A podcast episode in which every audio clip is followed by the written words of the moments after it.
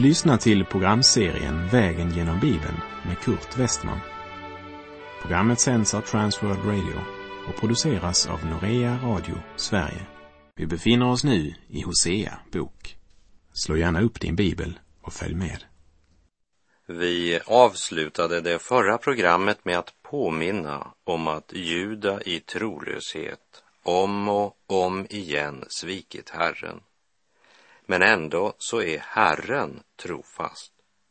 Men eh, trofastheten betyder inte att han ser mellan fingrarna med synd. Men det betyder att han bereder en väg till frälsning. Israel ville inte lyssna till Herrens kallelse genom profeten. Därför har Gud inget val. Straffet måste proklameras. Men i allt detta ligger också ett löfte invävt och en kallelse till omvändelse. Vi läser Hosea 12, vers 1 och 2. Efraim jagar efter vind. Hela dagen far han efter östanväder. Lögn och våld tilltar.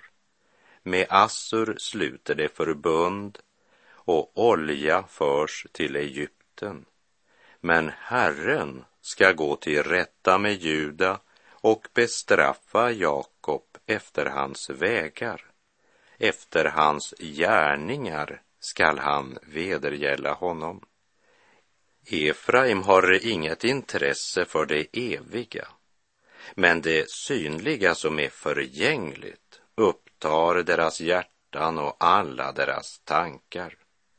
Men jakten på rikedom är bara ett jagande efter vind. Olivoljan var en av Israels viktigaste produkter och den hade Egypten behov för. Därför var man ivrig att upprätthålla goda handelsförbindelser och man byggde sina framtidsplaner på att bevara en god relation till stormakterna Egypten och Assyrien. Men Herren ska gå till rätta med Juda och bestraffa Jakob efter hans vägar. Efter hans gärningar skall han vedergälla honom. Israel hade blicken riktad mot världens rikdom det var till de jordiska skatter deras längtan stod. Man blev så upptagen av allt det som förgår att man blev blind för det eviga. Därför måste Herren gå till rätta med Juda. Jakob, det vill säga Nordrikets tio stammar, ska nu få skörda frukten av sina handlingar och hållningar sitt liv i vardagen. Vi läser Hosea 12, vers 3 och 4. I moderlivet grep han sin bror i hälen. När han blivit man kämpade han med Gud.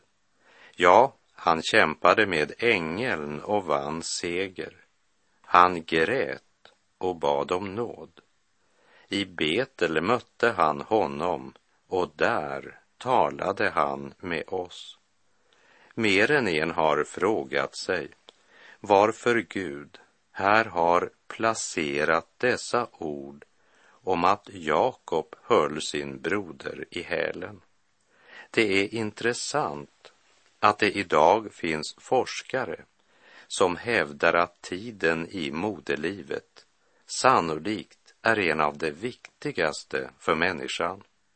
För redan där formas inte bara kropp utan även karaktär. Redan i moderlivet avslöjar Jakob något av sin karaktär.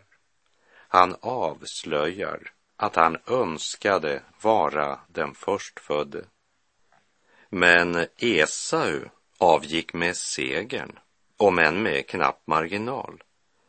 Jag ska inte försöka ge mig in på några förklaringar av sådant som jag inte alls förstår. Men bara säga att det verkar ha funnits i Jakobs tanke redan innan han kom ut ur moderlivet. Han brottades vid födelsen och Gud blev tvungen att kämpa med honom senare i livet när han vid Peniel gjorde honom så hjälplös i sig själv att han blev helt beroende av Gud. Gud vill välsigna, men det är inte lätt för Gud att föra människan till den punkt där hon kan motta välsignelsen. I Första Mosebok 32, 28 säger ängeln du ska inte längre heta Jakob utan Israel. Ty du har kämpat med Gud och med människor och segrat. Men låt oss nu lägga märke till vad som står i Hosea 12.4. Han kämpade med ängeln och vann seger. Han grät och bad honom om nåd. Hur vann Jakob seger? Genom att gråta och be om nåd. Det är en form för seger som denna värld är helt främmande för. Detta att Jakob vann seger genom att Gud fick föra honom till en punkt där han blev helt beroende av Gud. Jag släpper dig inte förrän du välsignar mig. Jakobs kärleksfulle och barmhärtige Gud hade väntat i över 40 år på att få höra de orden. Jakob vann över Gud genom att bli totalt beroende av Gud. Hör min kära vän, Gud önskar föra även dig till en punkt där du inte har någon annan möjlighet än att klamra dig till honom och ta emot hans godhet. Jakob vann inte därför att han var bättre på att brottas, men genom att inse sitt totala beroende av Gud. Eller som sångaren uttrycker det. Fattiga ger han sin rikedom, läker de slagna sår den som var bunden, trött och tom, frihet och glädje får. Himmelriket är nära. Och i Jesaja 57.15 står det Ty så säger den höge och upphöjde, han som tronar till evig tid och heter den helige. Jag bor i helighet uppe i höjden, men också hos den som är förkrossad och har en ödmjuk ande. Ty jag vill ge liv åt det ödmjukas ande och liv åt det förkrossades hjärtan. Eller som det är uttryckt i Hosea 12.4. Ja, han kämpade med ängeln och vann seger. Han grät och bad honom om nåd.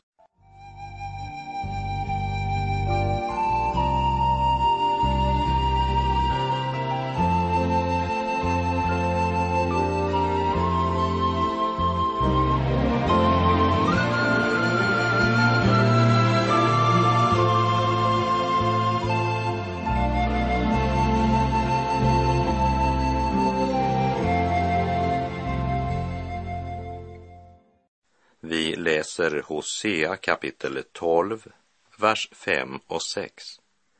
Herren, härskarornas Gud, Herren är hans namn. Så vänd nu om till din Gud, håll fast vid kärlek och rätt och vänta ständigt på din Gud. Folket måste vända sig till Gud på samma sätt som Jakob hade gjort borte vid Jabboks vadställe. Det är vägen till seger. Men den fallna människan vill inte vänta på Gud.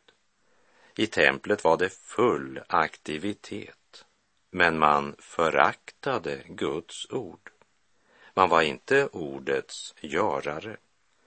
talet om Gud, det var bara en teori för dem. Men de praktiserade inte Guds heliga vilja i vardagen. Man var oärlig och räknade mera med sin oärlighet än med Herrens välsignelse. Och samvetet, ja, det var så insomnat att man inte ens insåg att det var synd. Vi läser Hosea 12, vers 7 och 8. Handlaren har falsk våg i sin hand och älskar orätt vinning. Efraim säger, jag har förvisso blivit rik. Jag har skaffat mig en förmögenhet. I allt mitt arbete skall man inte finna någon orätt, något som är synd. Man hade nått ett stadium där man trodde man kunde köpa sig fri från ansvaret med hjälp av sina pengar. Man hade tjänat extra på att vara oärlig, men menade själva att det var Guds välsignelse. Så förblindad blir människan när hon föraktar Guds ord. I verserna 9 och 10 ser vi att Gud inte gett upp sitt folk, även om han måste döma dem för deras synder. Vid vissa högtider, till exempel lövhyddohögtiden, så bodde man i tält för att symbolisera ökenvandringen då pilgrimsfolket bodde i tält. Men i vers 9 säger Gud att det nu ska komma sådana tider att tältandet ska bli mera än en symbolik. Istället för att bo i sina vackra hus ska de tvingas använda tält för att skydda sig mot väder och vind. Vi läser vers 9 och 10. Jag är Herren din Gud, allt sedan du var i Egyptens land. Jag skall på nytt låta dig bo i tält, liksom vid era högtidsdagar. Jag har talat till profeterna, jag har givit dem många syner och genom profeterna har jag talat i liknelser.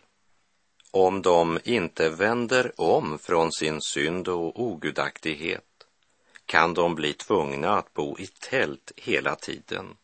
Den rikedom de berömmer sig av kommer att tas ifrån dem. Och det borde inte komma som någon överraskning. Han har talat till profeterna, men folket hade föraktat deras budskap. Vi läser Hosea 12, vers 12. Jakob flydde till Arams land. Israel tjänade för en kvinna. För en kvinnas skull vaktade han jorden. Genom en profet förde Herren Israel upp ur Egypten och genom en profet blev folket bevarat. Med samma iver och kärlek som Jakob arbetade och vaktade fåren hos Laban för att få sin älskade Rakel. Med samma kärlek har Herren vakat över Israel. Genom profeten Mose förde Herren dem ut ur Egypten och träldomen. Jakob var tvungen att offra mycket och genomlida mycket för att vinna sig den han älskade som sin brud. Men skillnaden var att Rakel var sin man trogen och förblev hos honom. Hosea 12, vers 14. Efraim har uppväckt bitter vrede. Hans herre ska låta hans blodskulder drabba honom och låta hans smädelser falla tillbaka på honom själv. Varken pengar, kungen, avgudarna eller de profeter som ropade ut en falsk tröst kan hjälpa när den obotfärdige syndaren skall skörda vad han har sått.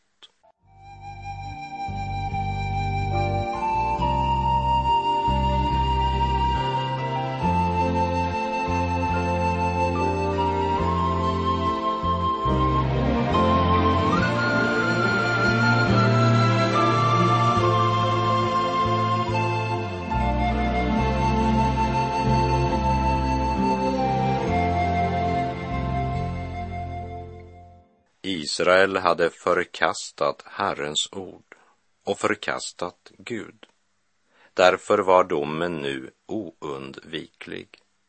Efraims avgudsdyrkan kommer att straffas med döden.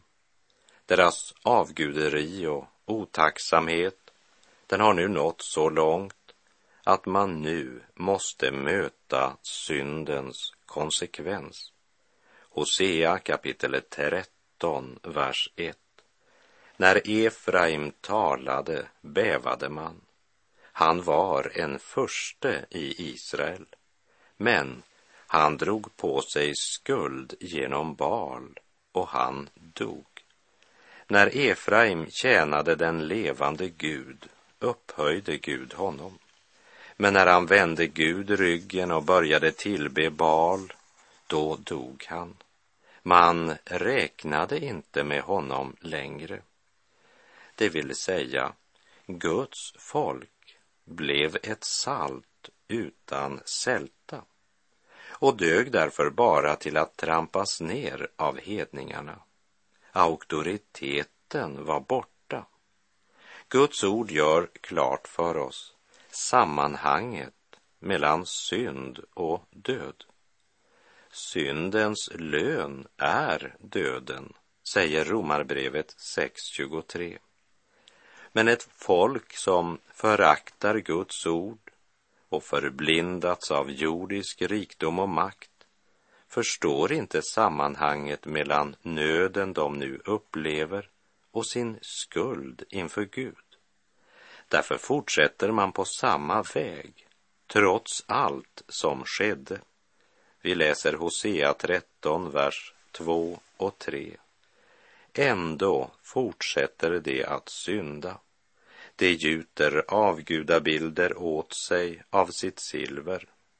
Avgudar efter sitt eget förstånd, alltsammans verk av konsthantverkare. Till dem skall ni offra, säger de. Människor kysser kalvar.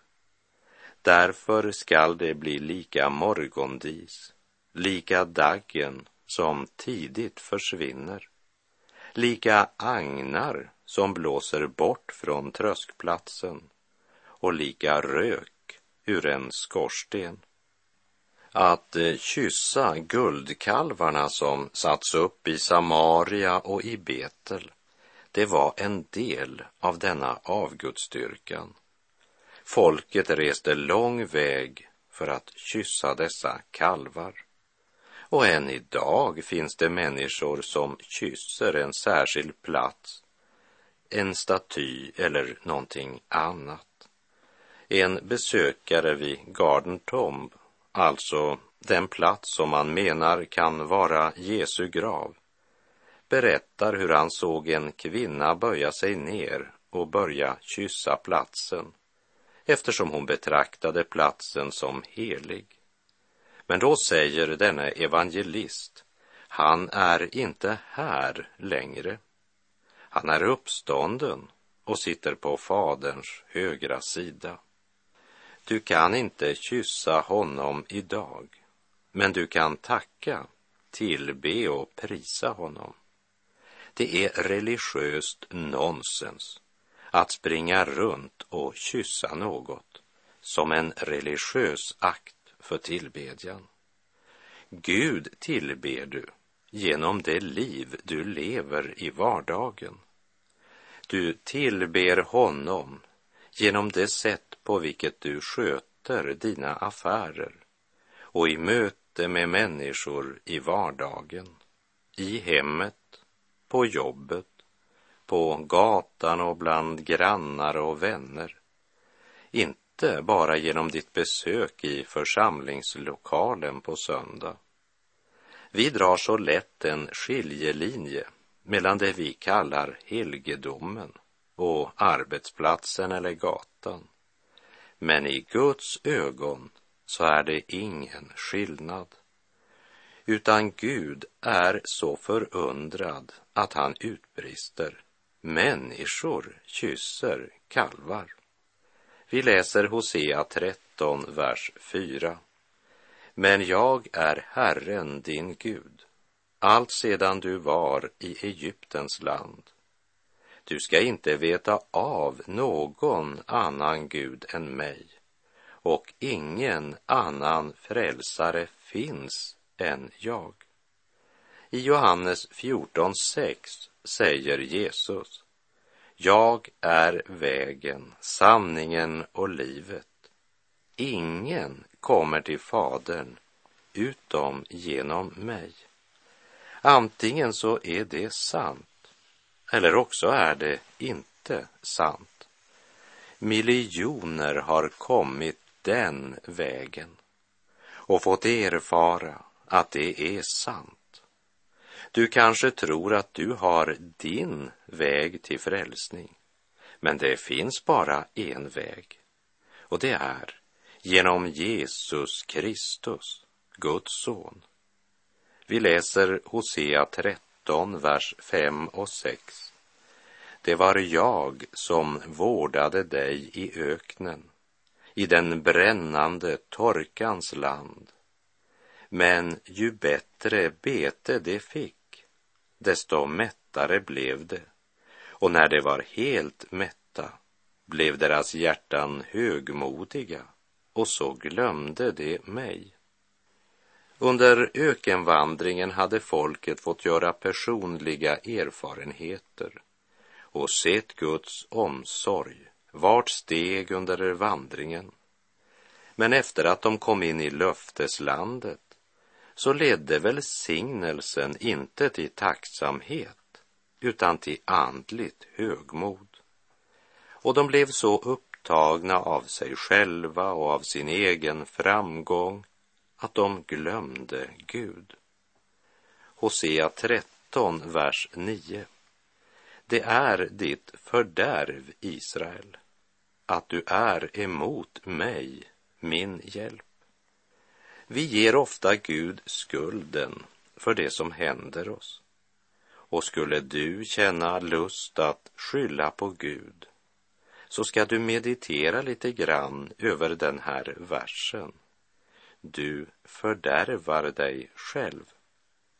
Det finns bara en som kan hjälpa dig. Du borde inte vara emot honom. Om du är det, fördärvar du dig själv. Herren säger att Israel är emot Gud, som är deras enda verkliga hjälp. Man skulle ju tro att Gud inte bara skulle sända sin dom över deras synd, men helt enkelt ge upp ett sådant folk. Men hör vad Herren nu säger genom profeten Hosea kapitel 13, vers 14. Från dödsrikets våld skall jag friköpa dem. Från döden ska jag återlösa dem du död, var är dina plågor? Du dödsrike, var är din ödeläggelse? Ånger är fördold för mina ögon. Herren talar om seger över döden. I Första Korinthierbrevet 15, verserna 54 till och med 58 läser vi. Men när detta förgängliga har klätts i oförgänglighet och detta dödliga klätts i odödlighet, då ska det ord fullbordas som står skrivet. Döden är uppslukad och segern vunnen. Du död, var är din seger? Du död, var är din udd? Dödens udd är synden och syndens makt kommer av lagen. Men Gud vare tack som ger oss segern genom vår Herre Jesus Kristus. Var därför fasta och orubbliga, mina älskade bröder, och arbeta alltid hängivet för Herren, eftersom ni vet att ert arbete i Herren inte är förgäves. Gud ville räcka ut sin hand till räddning också på Hosea-tid. Men hur han än spanade kunde han inte märka någon ånger. Ånger är fördold för mina ögon, säger han. Den övermodiga människan vill inte böja sig för Gud. Men bäst hon står där mister hon allt som hon haft sitt liv och sin glädje i. Brunnen där hon sökte sin lycka torkar ut. Den jordiska skatten svinner. Vi läser Hosea 13, vers 15. Bäst han står där, frodig bland sina bröder, skall en östanvind komma, ett Herrens väder som stiger upp från öknen. Då skall hans brunn torka upp och hans källa sina ut. Den vinden rövar bort skatten av alla dyrbara föremål. Precis när det tycktes gå som bäst torkade brunnen ut. Vinden rövade bort skatten, för det var en förgänglig skatt. Till de troende i Korint skriver Paulus. Vi riktar inte blicken mot det synliga, utan mot det osynliga Ty det synliga är förgängligt, men det osynliga är evigt. Och Jesus, han säger så här i Matteus kapitel 6, vers 19. Samla inte skatter på jorden där rost och mal förstör och där tjuvar bryter sig in och stjäl. Samla er skatter i himlen där varken rost eller mal förstör och där inga tjuvar bryter sig in och stjäl. Ty där din skatt är, där kommer också ditt hjärta att vara. Och i Markus 8, vers 36 så säger han, vad hjälper det en människa att hon vinner hela världen men förlorar sin själ. Ja, vad hjälper din jordiska rikdom och skatt när själen går in i den eviga natt? Och med det så är vår tid ute för den här gången. Sök Herren medan han låter sig finnas. Åkalla honom medan han är nära. Herren vare med dig. Må hans välsignelse vila över dig. Gud är god.